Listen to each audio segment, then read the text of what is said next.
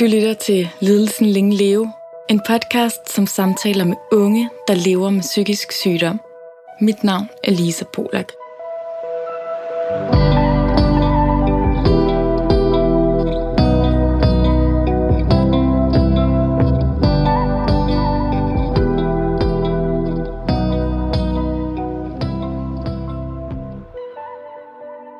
Hej og velkommen til Lidelsen Længe Leve.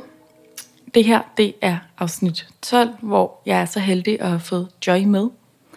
Vi skal i dag tale om borderline, som er den her personlighedsforstyrrelse, emotionel ustabil, og er den mest kendte øh, inden for personlighedsforstyrrelse, og øh, den, hvor der er flest.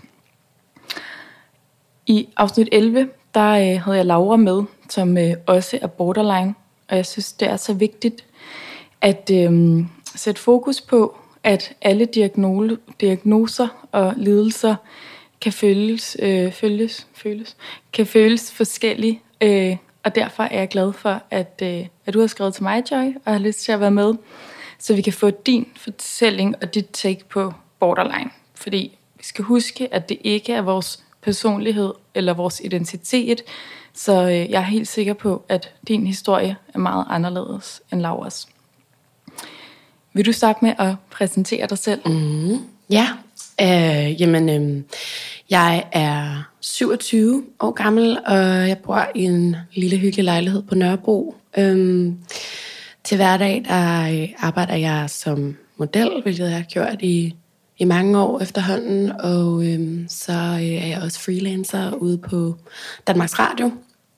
Øhm, og så driver jeg en blog på fritidsbasis, hvor jeg skriver om samfundskritiske emner og så, ja, sådan nedbryder. Prøver i hvert fald at, at nedbryde tabubelagte emner.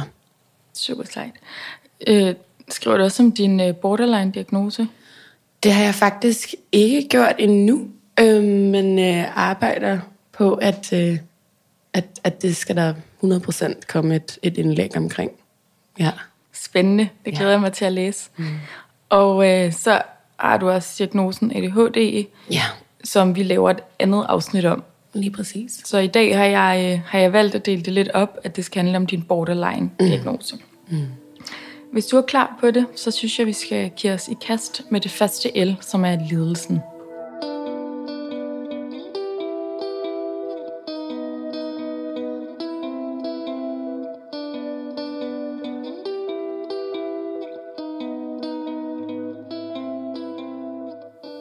Joy, vil du øh, fortælle, hvordan borderline føles for dig? Ja. Øhm, nu, øhm, nu er der jo sket ret meget, øh, siden jeg blev diagnostiseret, som var i sensommeren 2019, øhm, hvor at det muligvis har været på, på sit værste, eller sådan på sit højeste øhm, i en del år, uden at jeg vidste, hvad der, hvad der foregik. Øhm, men, øhm, men selvfølgelig er der stadig nogle øh, symptomer, kalder man dem jo, øhm, som, som er en del af min, min hverdag stadig. Øh, og, øh, og det er sådan noget med, at jeg øh, er utrolig bange for at blive forladt af dem, jeg elsker. Øhm, og øh, jeg kan have svært ved at, at regulere følelser. Øhm, kan, kan have humørsvingninger, øhm, sådan, som går ret hurtigt op og ned. Ikke? Øhm, er det dagligt eller mere i perioder?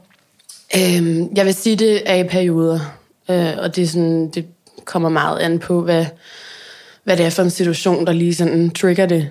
Øhm, og, og det er primært noget, jeg sådan har, har oplevet i mine kæresteforhold øhm, eller i mine sådan meget, meget, meget tætte relationer, øhm, men, men primært i mine kæresteforhold. Øhm, og så, så ja, så har det jo, så har det jo egentlig bare været, været det der med, at jeg har et øhm, tendens til et, et meget intenst følelsesliv. Altså at når jeg er ked af det, så er jeg, så har jeg været meget, meget, meget ked af det. Øhm, og hvis jeg har været vred, så har jeg været rigtig vred. Øhm, så, så det er sådan, det der med, at det har været sådan ret ekstremt. det ikke sådan har været sådan en, en mere sådan stabil balance imellem. Øhm, så det enten har været meget sort eller meget hvidt, ikke? Jo. Ja. Og når du er i følelsen meget, meget glad eller meget, meget vred, ved man så godt, jeg overreagerer lige nu, eller kan man ikke sige det til sig selv? Nej, det tror jeg, jeg har haft rigtig svært ved. Helt vildt. Øhm, og det er jo netop det der med sådan at, at kunne regulere følelserne, ikke? Øhm, at, at de ligesom bare har taget sådan fuldstændig over. Øh. Så det slår lidt klik. Man er sådan, jeg er vred nu, mm. og jeg, det mener jeg virkelig, jeg er vred. Ja, der er ja. ikke nogen, der skal sige til mig, at jeg overreagerer. Ja, fuldstændig. Okay, helt klart. Og du siger, i 19, sent som 19, får ja. du diagnosen. Ja. Vil du fortælle om, øh, om det forløb? Ja, øhm, altså jeg, øh, jeg havde mærket, at jeg følte, at jeg havde siddet siddet fast i et stykke tid, øhm, og ikke rigtig lige sådan helt vidste, hvad jeg ville med mit liv, og jeg synes, at, at det var lidt svært i nogle relationer, og også i mit, mit parforhold, og øhm, følte, at der måtte være en forklaring på, at det føltes så svært, og at det gik sådan meget op og ned for mig, øh, og jeg egentlig altid havde gjort det, jeg begyndte at tænke meget ind i sådan min, min fortid, og hvordan, hvordan det egentlig havde været i, i rigtig mange af mine relationer. Og øh, jeg gik så til min læge og fik en henvisning til en psykiater, der bare skulle lave sådan en, en overordnet udredning. Og øh, jeg udfyldte så sådan et, øh, et spørgeskema med 72 forskellige udsagn, hvor jeg skulle svare, om jeg var delvist enig, eller meget enig, eller uenig. Og øh, det endte så med, at jeg slog ud på den her emotionelle, øh, ustabile personlighedsstruktur af borderline-type. Hvad for et spørgsmål kunne det være? Øh, det kunne være alt fra, øh, jeg tror, der er nogen, der følger efter mig, til øh, jeg føler mig hævet over andre, øh, til at jeg er bange for at miste dem, jeg elsker. Øh, alt muligt forskelligt.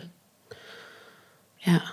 Og det var øh, altså det offentlige, du blev henvist til? Ja, læge. Nej, det var, nej, det var det faktisk ikke. Det var en uh, privatpraktiserende psykiater. Okay. Så skal man så betale for det selv? Nej. Det går igennem, øh, det er stadig gået igennem min, min sygesikring, men der kan være ret lang ventetid øhm, hos de privatpraktiserende. Og kom det som et chok for dig, at du fik den her diagnose? Øhm, både og. Altså, jeg, jeg kendte ikke særlig meget til diagnosen inden. Jeg havde bare hørt altså, folk bruge det sådan lidt i, i hverdagstale, sådan, okay, det er godt nok borderline-agtigt, eller sådan, man havde ikke rigtig egentlig tænkt over, øh, hvad borderline rent faktisk var. Jeg har heller ikke mødt nogen, eller kendt nogen, der, der har, har haft diagnosen. Øh, så efter jeg sådan begyndte at, at læse om den, kunne jeg jo godt se, okay, der er ret meget her, der passer på mig. Øh, sådan, og sådan den, den sådan indre tomhedsfølelse, som også har præget mig rigtig meget igennem mit liv, og sådan en ustabil identitetsfornemmelse. Altså det har været ret svært at finde ud af, hvem jeg er, øh, og hvad, jeg, hvad mine sådan grundværdier er, hvad jeg står for. Det har været sådan meget let omskifteligt. Fordi du skifter meget imellem ja. værdier og synspunkter. Ja, det kan i hvert fald øh, det kan skifte ret hurtigt. Altså den ene dag synes jeg, at jeg kunne synes det ene, og så den anden dag noget helt andet. Øhm, så det, øhm, det har nok været lidt svært for, for nogle mennesker at, at være, være omkring. Mm. Man siger jo om borderline, at, at, den ligesom, at det ikke er noget, man er født med, mm. og den kan komme med lidt usunde strukturer, fra man var barn i mm. hjemmet. Mm. Uh, har det også været sådan for dig? Ja, Altså, øhm, overordnet, så synes jeg jo, at jeg har haft en, en, en relativt glad barndom, men, men der har helt sikkert været rigtig meget dysfunktionalitet. Altså, jeg voksede op som, som skilsmissebarn, selvom mine forældre aldrig var gift, men, men har aldrig levet sammen. Øhm, og, øh, og der har været rigtig meget konflikt imellem de to, som, som, som jeg øh, desværre er blevet blandet rigtig meget ind i øh, undervejs. Og... Øh, det tror jeg helt klart har, har, har dannet grundlag for, at, at, at, øh, at borderline-symptomerne er, er kommet frem. Øhm, og så øh, har jeg helt sikkert også oplevet svigt øh, som en del af det fra, øh, fra dem begge to. Ja. Hvad vil du uddybe, hvilken, hvilken slags svigt? Jamen altså... Mm, jeg var meget overladt til mig selv øh, fra en tidlig alder. Øh, særligt, øhm, særligt af min far, øh, som, som jeg ikke så særlig meget, øhm, da, jeg var, da jeg var helt lille. Øhm, sådan de første syv år af mit liv. Øhm, og når jeg så endelig ligesom var hos ham, så øh, var han ikke rigtig hjemme, og jeg blev passet af nogle andre, eller øh, ja, var, var alene hjemme det meste af tiden. Ja.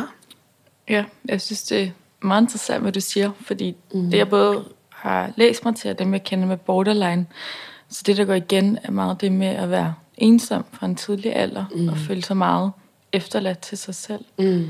Øh, og ja, det kan jeg så høre, at du også genkender. Ja. Hvad med, hvordan er forholdet i dag til dine forældre? Ja, det er sjovt, du spørger, fordi det, øhm, det, det, har, sgu, det har sgu svinget meget. Øhm, jeg synes, at mit forhold til min mor i dag er, øh, er rigtig godt. Øhm, og vi har ligesom, vi har ligesom haft nogle, nogle sådan rimelig hæftige konflikter i løbet af de sidste to år, som har, har sådan inviteret til, at vi var nødt til at tale om nogle ting. Øh, sådan rimelig hardcore. Øh, og, øhm, og det synes jeg faktisk har båret frugt og gjort, at vi kan kommunikere meget bedre og kan være øhm, bedre øhm, i vores relation, fordi vi er utroligt tætte. Øhm, jeg er jo altså primært vokset op hos hende, øhm, og hun har, har egentlig arbejdet freelance og, og hjemme det meste af min barndom, så vi har været rigtig meget sammen. Øhm, men, øh, men det tror jeg også kan have, altså på en eller anden måde have haft en, en mindre positiv effekt, øhm, som har gjort, at vi på en eller anden måde har været sådan afhængige af hinanden. Øh, og, øh, og på et tidspunkt tror jeg, at jeg ligesom skulle frigøre mig ret meget fra det, og det har hun måske haft svært ved. Øh, i og med, at vi har været så tætte altid. Så, øh, så jeg synes, at vores forhold er rigtig fint nu, øhm, øh, og, øh, og det er jeg vildt glad for. Og så, altså, mit forhold til min far har altid været, været svært. Øhm, og, øhm, og vi har faktisk ikke talt sammen i nogle måneder øhm, nu. Øhm, så, så det er jo, som det er. Øhm, men om det er godt eller dårligt, det ved jeg ikke. Altså, det er jo, hvad, hvad jeg i hvert fald har haft brug for lige nu, fordi det har, det har været nogle ting, der sådan har såret mig ret meget. Ja. Ja, og du har en lillebror også på hans... En lille søster. En lille søster. Ja. ja. og det er, er han stadig ikke sammen med moren til det barn? Nej, de, øh, de blev skilt øh, lige før jul.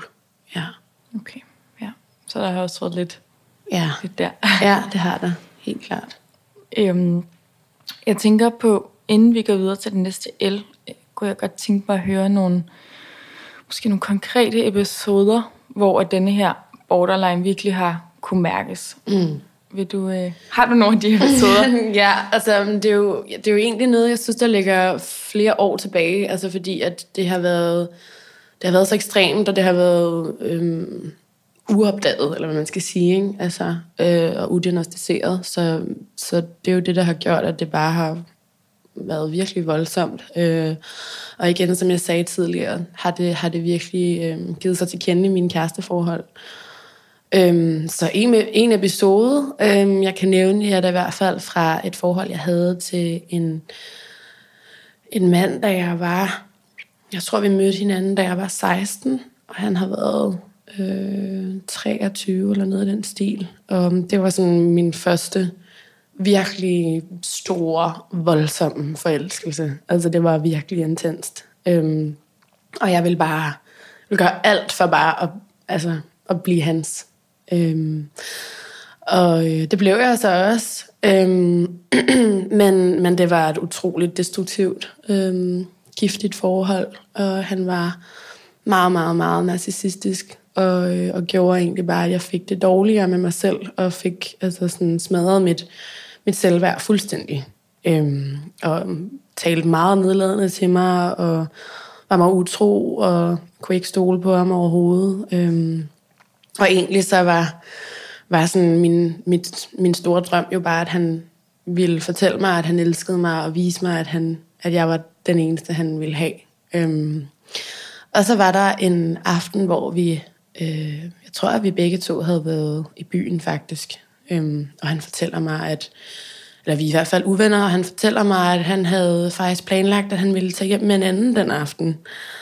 Og det bliver jeg jo selvfølgelig sindssygt ked af, og øh, græder, og øhm, siger, at han jo bare er ligeglad med mig, og, øhm, og så, så tror jeg, at jeg vil have, at han ligesom skal øhm, bekræfte mig i, at det er han ikke. Øhm, men, øhm, men jeg siger til ham, at hvis du er ligeglad med mig, så er du også ligeglad med, hvis jeg, hvis jeg ikke er her mere. Og så åbner jeg, for jeg åbnede øhm, altandøren. Han bor på 4. sal. Øhm, for åbnet altandøren øh, til sådan en, en fransk altan, han har, og får øh, lynhurtigt klatret ud på den anden side og hænger i mit undertøj øhm, og dingler fra fjerde sal. Og, øhm, og det er jo egentlig noget, der sker i, i ren og skær afmagt, øhm, fordi at jeg føler mig afvist af, af en, som jeg, som jeg elsker virkelig, virkelig meget, og som jeg bare gerne vil have, elsker mig tilbage. Øh, og det var jo en enormt skræmmende situation for os begge to. Øhm, skete selvfølgelig heldigvis ikke noget. Og jeg kom ind, han fik hævet mig ind igen, og var i et kæmpe chok, og jeg fik taget kontakt til min familie, og, og det var så første gang, at jeg øhm, sådan kom i kontakt med, med øhm, psykiatrien. Ja. Ja, og det, det man kan sige med det er vel, altså først og fremmest det med grænser, ikke? At man, mm. det slår vel klik, at man er sådan, okay, jeg gik lige ud over grænsen her. Ja. For den historie, du fortæller om utroskab, lyder jo, Ja. som alle øh, andre vil jo reagere ret tæt på, hvordan du reagerede. Undtagen mm. måske lige den med altanen, for der tager man den for langt. Ja. Men stadigvæk jo hårdt psykisk, det er ikke, fordi du bare reagerer ud i det blå, sådan. Nej. Øhm, og så tænker jeg vel også, man kan sige, det der er forskellen for dig, øh, og måske bare mig selv for at bruge et eksempel, det er, at jeg vil jo gå ud på altanen for det sted, hvor jeg går selvmord, for jeg er så ked af det. Mm. Hvor jeg tænker, med dig er det ikke, fordi du har lyst til at dø, Nej. men mere sådan, jeg skal have en reaktion Ja. på, at du elsker mig nu. Ja, fuldstændig. Det er helt Øhm, rigtigt. Ja, så det, jeg synes, det er en, øh, en rigtig fin, jeg ved ikke, om det er en fin fortælling, men det, det, det forklarer det meget godt. Ja. Har der været andre episoder, hvor du har haft svært ved de her grænser? Ja. øhm, ja, altså en, en del år senere, øh, der, øh, der havde jeg været i et andet forhold, som varede, øh, varede en, en del øh, længere øh, end, det, end det første der. Øh, jeg tror, vi var sammen i tre og et halvt års tid, og øh, boede sammen, og øh, boede sammen i udlandet, øh, i, i Asien i en periode, og var, var meget øh, tætte. Det var sådan mit første rigtige voksne, seriøse forhold. Øh, og vi var sammen fra jeg var 18 til 21. Øhm, og efter det sluttede, det var også et meget turbulent forhold. Øhm, og øh, og der prægede, altså, der prægede min borderline mig også rigtig meget. Det var også sådan noget med, at hvis jeg var bange for, at han ville forlade mig, øhm, jeg var jo enormt usikker. Og det var jo egentlig der, at rigtig mange af konflikterne også opstod, var, fordi at jeg var virkelig, virkelig usikker på mig selv. Øhm, men hvis han forlod mig, så ville jeg også, altså, så ville jeg også gøre det af med mig selv, og, og øh, skar i mig selv og sådan nogle ting. Øhm, men, øhm, men efter at det sluttede, der havde, jeg, der havde jeg været i Australien i tre måneder og arbejdet som model og kom hjem og øhm, havde lidt svært ved sådan at finde ud af, hvordan jeg lige skulle øhm, være øh, efter det her lidt længere forhold og min rejse og så videre. Så jeg begyndte at feste rigtig meget. Jeg har egentlig altid festet meget, men begyndte at hænge ud med nogen, der festede lidt hårdere øhm, og som tog rigtig mange stoffer. Og øhm, det begyndte jeg også på. Og det var jo lige pludselig en livsstil, der sådan skulle øh, holdes, altså holdes ved lige ved at, at for det første have penge, men også at se godt ud og have det rigtige tøj. Øhm, og, og sådan, jeg tror, jeg fik ret hurtigt opbygget sådan en idé om, at jeg skulle se ud, mit liv skulle se ud på en bestemt måde, fordi så var der måske ikke nogen, der fattede mistanke om, hvor, hvor, hvordan jeg egentlig havde det indeni. Øhm, så det gik virkelig hurtigt, og, øh, og sådan en udiagnostiseret ADHD blandet med borderline, og så et sådan rimelig hæftigt kokainmisbrug, det gjorde bare, at jeg ikke rigtig vidste, hvad der var rigtigt og forkert. Og jeg fik et meget kynisk forhold til mig selv og til andre, øhm, og, og, og øhm, øh, misbrugte min, min mormors kreditkort på nettet, hvor jeg shoppede, og det var noget, der ligesom på en eller anden måde gav mig sådan et quick fix, og øh, gjorde, at jeg, jeg kunne få alle de her ting, øhm, også selvom jeg egentlig ikke sådan selv øh, manglede penge øhm, igennem hele perioden, men, øhm, men det var lidt spændende, og, og gav mig et eller andet adrenalinkick, tror jeg, samtidig med, at det bare var sådan ren og skær impulsivitet. Øhm, og så blev det bare til en vane. Øhm, og så lige pludselig havde jeg bare brugt næsten 100.000 kroner. Og øh, ja, det blev selvfølgelig opdaget, og øh, senere hen, der øh, shoppede jeg også på kredit på min, på min roomies, øhm, eller med min roomies identitet, kan man sige, øh, for, jeg tror, jeg har været 4-5.000 kroner eller sådan noget, øhm, og tænkte i momentet, Nå, det, den, den regning, når den kommer, den betaler jeg bare. Det var sådan noget, man kunne bestille noget tøj, og så kom der en regning med, og så skulle man betale den inden for 30 dage eller sådan noget. Øh, og jeg tænkte, det, øh, det kan jeg sagtens. Øh, men øh, så rejste jeg lige til LA, og så kom der et brev i postkassen, imens jeg var væk, og øh, det var ikke noget, han kendte til, så han kontaktede mig selvfølgelig og var sådan, hvad er det her for noget? Øh, og der krøb jeg egentlig til kurset med det samme, og var bare sådan, det er jeg virkelig ked af. Det er mig, der har fucket op, og øh, det vil han ikke acceptere, at vi kunne løse imellem os, så, så det meldte han også til politiet. Øhm, så, øhm, så ja, der, det blev jeg, begge sager øh, blev jeg dømt for. Ja, i retten. Så din mormor mm. meldte også? Ja, det gjorde hun. Og det var fordi, at hun kunne jo bare se, at der altså, røg penge ud på hende, af, af hendes konto. Øhm, og gjorde indsigelse til banken, som jo så øhm, har meldt det til politiet, og lige så snart, at det er gået den vej igennem, så bliver det til det, man kalder for en civil sag. Øh, så uanset om hun så finder ud af, at det er mig, hendes barnebarn, og sådan, at jeg vil kunne sige, mormor, lad os lave en, en aftale om, at jeg betaler de her penge tilbage til dig, øh, så, så vil det være for sent, fordi at, at så skal de ligesom tage sig af banken, som faktisk er den forurettede i sagen, og ikke min mormor, fordi hun fik pengene tilbage af banken. Ikke? Og så fik du en, øh, en en betinget dom, eller hvordan? Ja, det gør jeg. Øh, 100 timers samfundstjeneste. Mm. I alt på de to forskellige sager? Nej, nej, i den anden sag, som jo øh, kom for retten, øh, det må have været to år senere, øh, der fik jeg fodlænke på. Ja, i 30 dage. Mm. Og så må man godt arbejde, imens man har fodlænke på? Ja, det må man godt. Så ja, nu skal det ikke lige handle om det, men nu bliver jeg bare nysgerrig. hvad, hvad, altså en fodlænke, hvad, hvad er straffen egentlig i det? Øh, straffen er, at du jo ikke må gå uden for dit hjem, eller sådan, du må ikke vi uden for det schema, du laver med øh, øh, de mennesker, der, der holder øje med dig i den her periode. Og så kan de komme øh, uanmeldt på besøg og, og lige tjekke op på, hvad du laver, og du må ikke øh, Øh, være påvirket af hverken alkohol eller stoffer. Øhm, så man skal aflevere urinprøver og sådan nogle ting. Øhm, og så har man, så har man et vindue øh, i løbet af dagen, hvor man må gå ud og handle, eller gå ned og vaske tøj øh, på vasket, eller hvad det nu kan være. Helt klart. Og bare lige kort, hvad hjalp de her, du fik de her to domme, hjælp det på, at du tænkte, øh, okay, nu må jeg gøre det her godt, eller var du bare sådan, det er ikke hjulpet?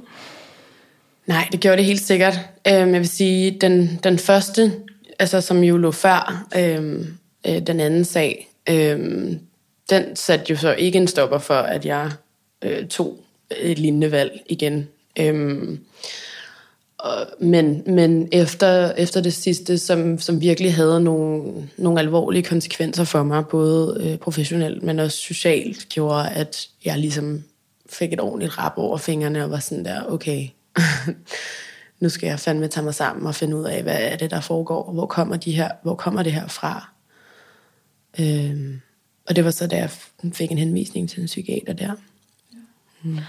Så bare lige for kort at opsummere den her borderline personlighedsforstyrrelse, så er det klart det med grænser, mm. at man kan virkelig overskride sine egne, men også andres grænser. Ja. Og så slår det nogle gange vel klik, at man ikke ser sig tilbage. Mm. Og så tænker jeg, der hvor personlighedsforstyrrelsen kommer ind, er vel, at man kan bilde sig selv ind, at det er fint nok, det her. Mm. At man, det der rationelle Mm. kommer ud, og du Ja. kan bruge de her penge og sådan, Mm. nu kører jeg bare i denne her, der er der ikke noget galt i det. Mm. Øh, Mm. Ligesom ser det. Ja, ja. og så egentlig også sådan en ret indbildsk tanke om, at, at øh, nå, men det fikser jeg. Altså det her, det, skal, det har jeg styr på. Du ved, jeg er i kontrol. Sådan, det, det skal jeg nok løse. Øhm, Ja, Ja. det er også en god måde at forklare det på, den der ukontrollerbare adfærd. ja. Det synes jeg er, øh, er fint at slutte det faste L på, lidelsen. Og så synes jeg, at vi skal gå videre til det næste L, som er længsler.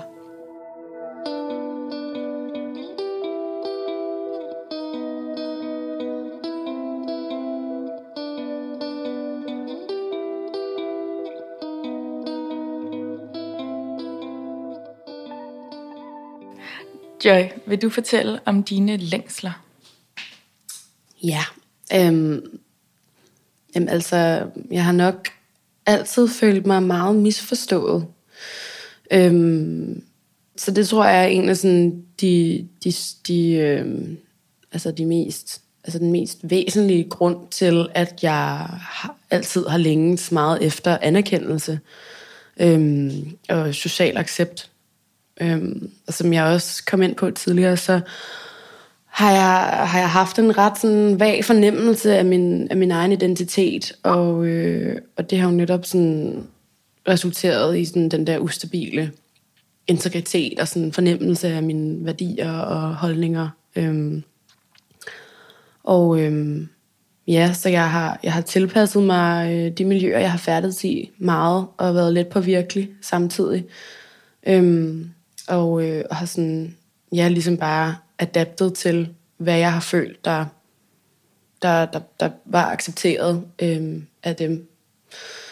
Øh, så, øh, så jeg er sådan en, en længsel for at, at passe bedst ind og blive forstået. Øh, det, det er helt klart en længsel, jeg jeg har haft meget. Øh, og øh, ja, altså det her, det her sådan tomrum, øhm, som, som har præget mig det meste af mit liv, har jo også netop bidraget til den der sådan meget grænsesøgende adfærd for at, at mærke et eller andet. Øhm, og, øh, og, så, og den er faktisk lidt sjov, fordi den er sådan lidt paradoxal på en måde, fordi alligevel så har jeg også mærket, at jeg har følt så meget, at, at jeg har haft brug for sådan at bedøve det. Øhm, og det er jo der, hvor sådan, at, at mine festvaner øh, ligesom har, har hjulpet mig på den måde, eller sådan har jeg i hvert fald følt, har hjulpet mig, men har i virkeligheden gjort det meget værre. Har været ja, selvdestruktivt. Ja, helt vildt. Øhm, Og det er jo bare tit det, man ser, at ja, man længes efter at bare have det godt på en eller anden måde, og så bliver det sådan et hamsterhjul, hvor der er sådan en lille quick fix af på aften, hvor man tager stoffer eller drikker sig stiv, er det sådan, oh, ja, nu kan jeg slappe af, og så kommer man bare tilbage. ja. Og man bliver blå igen, måske dagen efter. Ja, fuldstændig. Men det har meget sådan været den der sådan, altså ret ekstreme dyrkning af, af, af ekstern stimuli, altså som har været fester, og det har også været skiftende sexpartnere, og det har været stoffer og alkohol, og øhm, ja, nye relationer, øhm, at være omkring mennesker, været bange for at være alene, og ja, nogle ting. Ja, helt klart. Øhm, og det synes jeg jo allerede leder os lidt videre til Mm. det næste el, som er, er laster.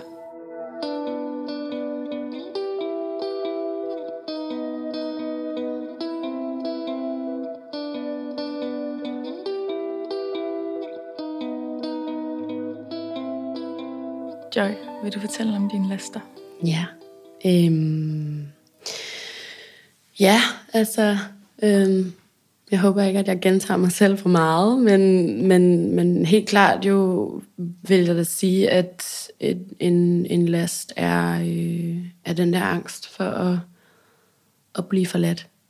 Øhm, og, øhm, og, og ligesom føle, at hvis jeg mister det her, eller hvis jeg mister den her person, mm, så er jeg ingenting. Så, så kan jeg simpelthen ikke eksistere. Øhm, og det er, sådan, det er meget den, den følelse, jeg har, jeg har haft, øhm, og som har præget mig helt vildt. Øhm. Og så kan det vel også give denne her person for meget værdi. Altså ja, ja. tænker jeg, indordner dig for meget den her person. Ja, ja, og lægge utrolig meget ansvar over på, på den her person. Ikke? Og det har jo både gjort sig gældende for mine kærester, og selvfølgelig også på mine, altså for mine forældre på en eller anden måde. Øhm, men selvfølgelig på en, på en anden måde, fordi de er mine forældre, så de har jo været mine øh, caretakers. Øhm. Hvad med veninder? Jo, altså veninder, øhm, veninder har, har helt klart også fyldt, men, men slet ikke på samme intense måde. Altså, øhm, det synes jeg heller ikke, at det har været så turbulent, og der har været så meget øh, drama, som der har været med mine kærester, og jeg har jo stort set altid haft kærester. Øhm, men det er vel også den her tomhed, tryghed? Mm, sådan, ja, helt klart. have a boyfriend. Ja, ja, fuldstændig. Ja. Øhm. Men har du oplevet, bliver bare lidt interesseret i med, med veninder, at nogen har taget afstand fra dig og været sådan, jeg kan ikke være venner med dig, du, du kræver for meget af mig? Øhm, ja, altså ikke sådan, ikke sådan konkret faktisk. Øhm, der var selvfølgelig nogen, der tog afstand til mig, da, da, da det hele faldt ned over hovedet på mig øhm, med, med, med, med de her sager her. Øh, men, men det havde jo ikke noget med vores sådan, venskab at gøre, kan man sige. Øh, men jeg har 100% oplevet, at øh, veninder har, har, har taget lidt afstand, eller haft brug for noget, noget rum, eller sådan noget space. Øh, fordi at jeg har haft tendens til at være sådan meget klingig, og har søgt meget sådan den der bekræftelse hele tiden, og hvis der ikke lige blev svaret på en sms, eller der ikke blev svaret på en måde, der gjorde, at jeg følte mig set og elsket, så har jeg troet, at der var noget galt, og spurgt, om der var noget galt, og hvorfor, hvorfor svarer du sådan, eller hvorfor har du ikke svaret på min besked, eller sådan. Og det, det tror jeg, altså, kan jeg jo også sige fra mig selv, øhm, og mine egne erfaringer, det, at det har da været enormt stressende, og kan være enormt, altså være et kæmpe pres at opleve det fra, fra et andet menneske. Ja, for så bliver det netop igen den der tomhed, bange for at miste, mm. og så bliver man lidt sådan, måske klistermærke. Ja. Men nu er jeg virkelig ikke mister, så nu skal jeg hver dag, og så ja. tager folk jo afstand fra en. Ja. Det tror jeg alle sammen, vi kan kende, vil ja. jeg så sige. Når ja, man er bange for at miste, skal du præcis til modsatte, at man præcis. klister sig. Præcis. Øhm, altså det, det tror jeg også har, har betydet, at jeg, øhm, at jeg i mange i mange situationer har forventet rigtig meget af andre mennesker, har forventet rigtig meget af mine relationer. Øhm, og, og når de forventninger ligesom ikke er blevet mødt, så er jeg også blevet utrolig såret og utrolig skuffet. Øhm, men, øhm, men jeg har samtidig også været en person, der gør utrolig meget for andre mennesker. Jeg vil gerne please, og jeg vil gerne være der, for ligesom, at, ja, for ligesom at sikre mig, at okay, så, så har det her menneske også brug for mig, og så gør jeg ligesom noget for at for virkelig at, og ja, altså, sikre, at jeg er at jeg har en, en speciel plads, så at jeg ikke bliver skiftet ud, eller bliver kasseret, eller sådan. Er det vigtigt for dig at føle dig som den vigtigste i andres liv, altså den der være lidt på førstepladsen? Øh, sådan har det helt klart været, øh, da jeg var yngre. Altså, helt, helt sikkert. Øh, har også oplevet sådan lidt veninde jalousi, eller sådan, hvis, hvis jeg havde en veninde, der, der så andre veninder øh, mere end mig, eller sådan, har jeg, har jeg godt kunne føle mig øh, til side sat og udenfor, og, og mindre, mindre vigtig, og mindre værd, mindre elsket. Ja. Ja, jeg kan godt forestille mig. Jeg synes jo, at i og med, at du deler så meget, og er så bevidst om din ledelse af laster, må jeg sige, jeg synes, eller, at det lyder til, at du er kommet meget langt. Mm. Fordi at jeg går ud fra i borderline, har man også svært ved at get der selvindsigt. Mm. Og det må man sige, du virkelig har. Ja, tak. Så det er pris på. Inden vi går videre til livet, har du så øh, en sidste last, du vil dele? Ja, øhm, jeg synes også, det er noget, vi har været inde på øh, før, men for bare lige sådan at, at, at øh, gøre den helt klar, så er jo, jo også altså, de der sådan meget intense følelser, øh, der har gjort, at jeg har været sådan en meget alt eller intet person. Øh, og det har været sådan meget ultimativt også. Øh, øh, og ja, altså sådan, når jeg har elsket, så har jeg virkelig elsket, og næsten altså for meget. Øhm, og, øh, og når jeg har hadet, så har, det, så har jeg hadet for meget. Altså sådan, det har, de har virkelig været sådan altopslugende, de der følelser der. Øhm, og, øh, og ja, sådan, haft svært ved sådan at ligesom skældne imellem og finde en, en mellemvej og sådan en balance. Øhm, og, øh, og ja, altså igen sådan den der virkelig sådan selvskadende adfærd i min, i min parforhold, ikke? Øh. Ja, den synes jeg også er god at slutte af med, fordi ja, man kan ja. sige, det er selvskadende, og man kan jo høre, at du har en last må have været, at du har levet så hårdt mod dig selv med alkohol og stoffer og dårlige forhold, at, at du har budt din krop og dig selv meget. Mm, ja. Ja. Helt klart. Super. Lad os øh, gå videre til øh, den lidt mere mundre del af den her podcast, som er livet i dag.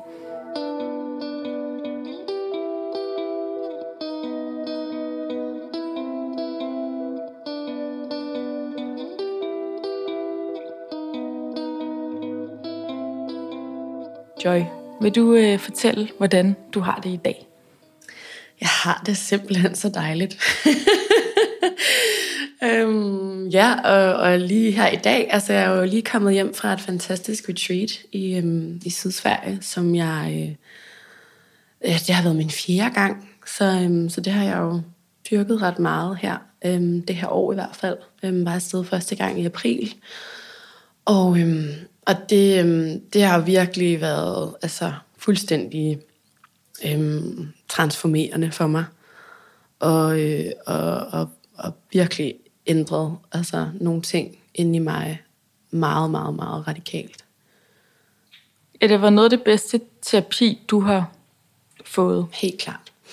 Helt klart. Altså det, øhm, det har været det, der sådan har, har, øh, har givet mig nogle værktøjer på, på kortest tid, og som, som har, øh, har virket. Altså. Har du lyst til at uddybe, hvad, hvad den her form for terapi går ud på? Ja, øhm, jamen altså det, det er arbejde med, med plantemedicin, og, øhm, og, og de, øhm, de gange, jeg har været afsted, der har vi arbejdet med henholdsvis øhm, et, en psykedelisk plante, der hedder ayahuasca, øhm, eller plantemedicin, øhm, som indeholder et øh, psykoaktivt stof, der hedder øhm, DMT.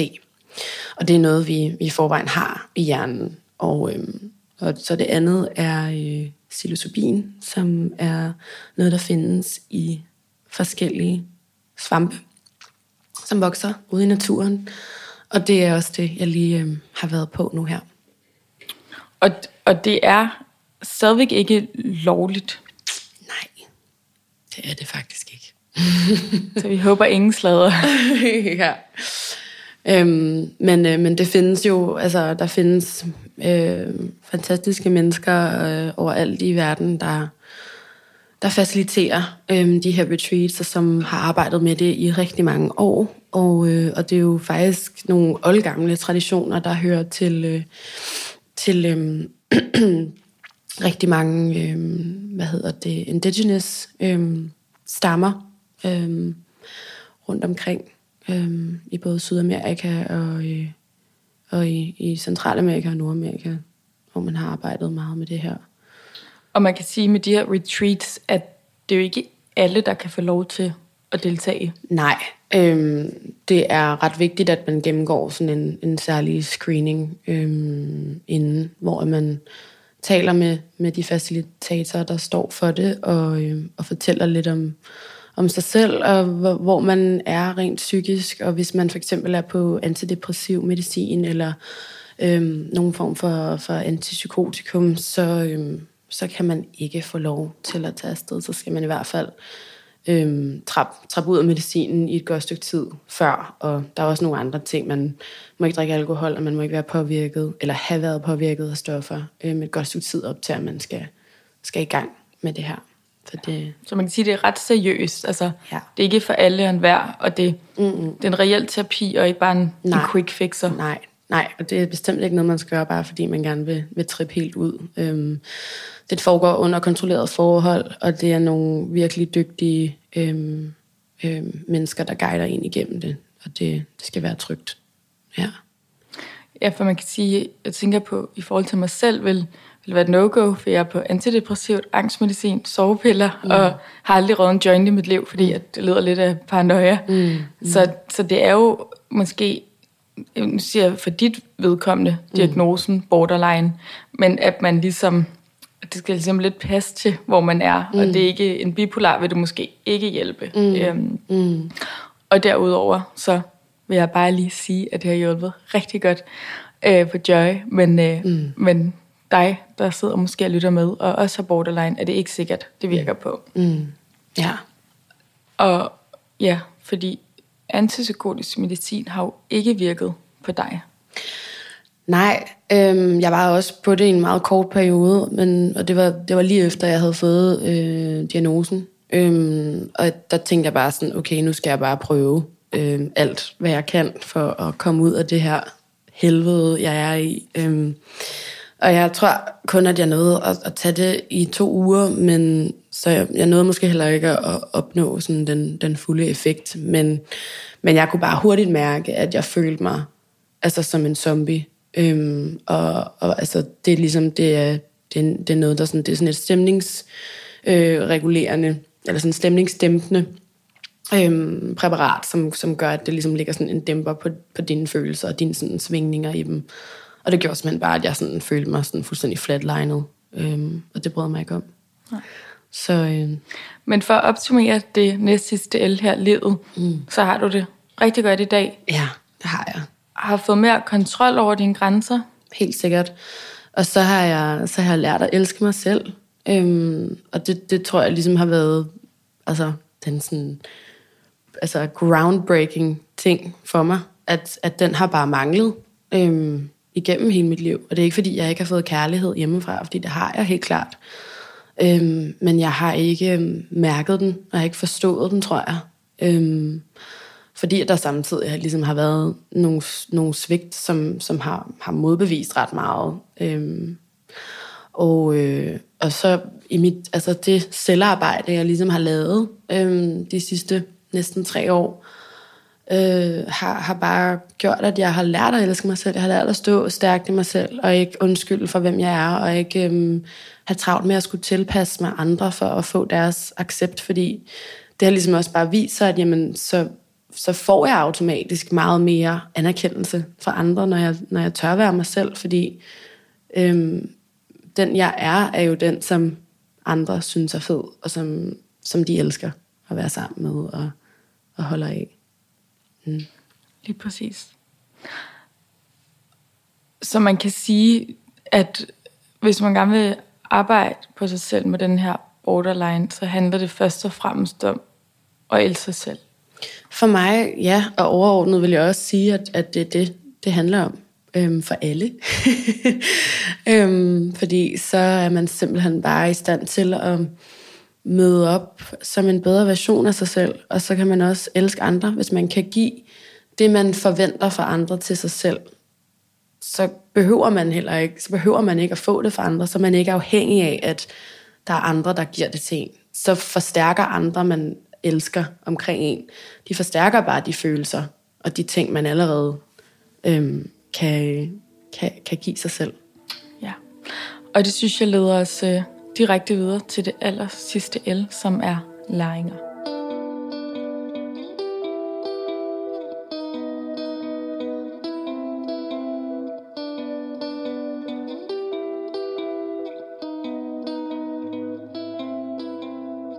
Joy, du var jo lidt inde på det her til allersidst øh, i livet, at øh, man skal elske sig selv, måske før man kan elske andre, og behandle sig selv godt, hvis man også skal behandle andre godt. Mm. Øhm, har du andre læringer, du, øh, du vil dele? Ja, altså... Øhm, nu kommer vi jo lidt ind på sådan den ret hårde tid, øhm, og sådan nogle af de øh, konsekvenser, det har haft. Øhm, og, og det har jeg jo selvfølgelig lært af. Jeg har lært af, af mine fejl, og det, det er forhåbentlig sådan, det, det hele tiden skal være, som, som jeg lever og udvikler mig hver dag. Øhm, men ja, som jeg også kom ind på før, så har jeg lært at stå, stå stærkt i mig selv, og hvile i mig selv, og, og elske mig selv, og, og de her diagnoser, som jeg jo ikke engang sådan læner mig specielt meget op af, fordi jeg bare har forstået, at det er, det er labels, øhm, som det her meget strukturerede samfund, vi lever i, har, øh, har valgt at, og, øhm, at, at give nogle navne, men er jo egentlig bare mm, en forklaring på nogle af de sådan, øh, miljømæssige ting, der har påvirket mig i min, i min opvækst, øh, og som har udviklet sig på baggrund af det. Øh, og det har jeg ligesom også lært at forstå, at det ikke er en sygdom, eller noget, der gør mig øh, sindssyg, øh, eller noget, som, som der måske er mange, der går og tror, øh, når de hører om borderline eller bipolar lidelse. Og, det er også det der med, at borderline hedder personlighedsforstyrrelse. Ja. og, og det kan mange jo slå sig lidt på og være sådan, what, øh, kan jeg ja. regne med dig, når jeg ser dig, eller ja. er du en anden person? Ja. Øh, men, men noget, øh, jeg lige vil samle op på, du sagde, der med de der diagnoser og få det label på, mm. at mm. på en måde er det jo godt, at, at man gør det i dag, og kan få lidt mere konkret behandling, mm. men i vores forældres generation havde man ikke lige så meget label på, og mm. det kan jo også gøre en lidt mere fri, at mm. jeg tænker bare på en lidt anden måde, men mm. måske skal man bare acceptere det, i stedet for at give en medicin. Mm. Øhm, mm.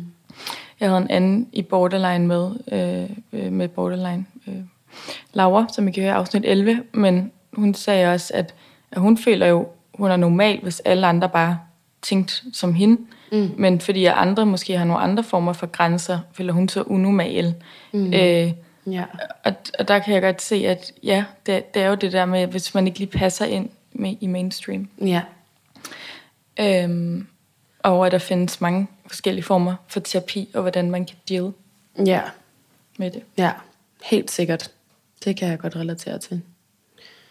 Øhm, men altså, ja, så tror jeg også bare, at jeg har, jeg har indset, at, at trods alle de her gange, hvor jeg virkelig har, har slået mig, øhm, og, og, øh, og, og trods de her sådan, skiftende relationer, øh, så, øh, så er at de mennesker, der har været tættest på mig de sidste fem år, jo også nogen, der har hængt ved, og, og det er også sket i en proces, hvor at jeg har lært mere om mig selv, og jeg har lært at være åben omkring, hvordan jeg har det, og hvad det egentlig er, der sker inde i mig, øhm, så de kan forstå mig øhm, bedre, eller i hvert fald prøve. Det kan godt være, at de ikke altid forstår mig, men, men de kan prøve, og, øh, og jeg tror, at sådan, den der åbenhed omkring det, øh, skaber også nogle virkelig, virkelig meningsfulde øh, altså relationer og bånd imellem de mennesker, man har tæt på sig. Og det er jo dem, der betyder rigtig meget for en, når man har borderline. Øhm, så jeg tror også, at det er vigtigt at være åben og ærlig øhm, omkring, hvordan man har det. Øhm, til, til dem, man... Vil du også være åben egentlig, spørger jeg bare rent interesse, på en, på en arbejdsplads med, med din diagnose? Øhm, øhm, ja, nej, altså fordi nu, nu har jeg ikke oplevet, at, sådan, at min borderline har, har, har decideret øh, spændt ben for mig i nogle sådan arbejdsrelaterede situationer, øhm, egentlig. Øhm, så det er lidt svært for mig at sige. Altså min ADHD, det som vi kommer til at snakke om i det næste afsnit, øh, er lidt noget andet. Øhm, og der har jeg, der har jeg været, altså, været åben omkring det. Øhm, fordi det, det er noget, der sådan spiller ind på nogle lidt andre parametre, øh, som måske kommer, ja, kommer til syne i, i mit arbejde også. Ja. Helt klart. Mm. Men jeg, jeg synes, det giver god mening, at, at der er jo heller ikke nogen grund til at sige det, hvis det ikke er noget, der påvirker ens arbejde. Øh, ligesom at der er mange ting, man ikke deler med sit arbejde, hvis det ikke kommer til at indflydelse. Ja.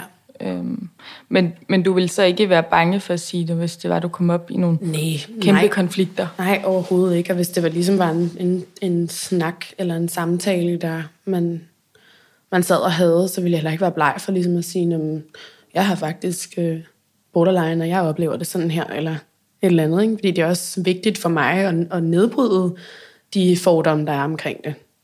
Øhm, og altså psykisk, øhm, psykiske udfordringer generelt. Ja. Helt klart. Mm.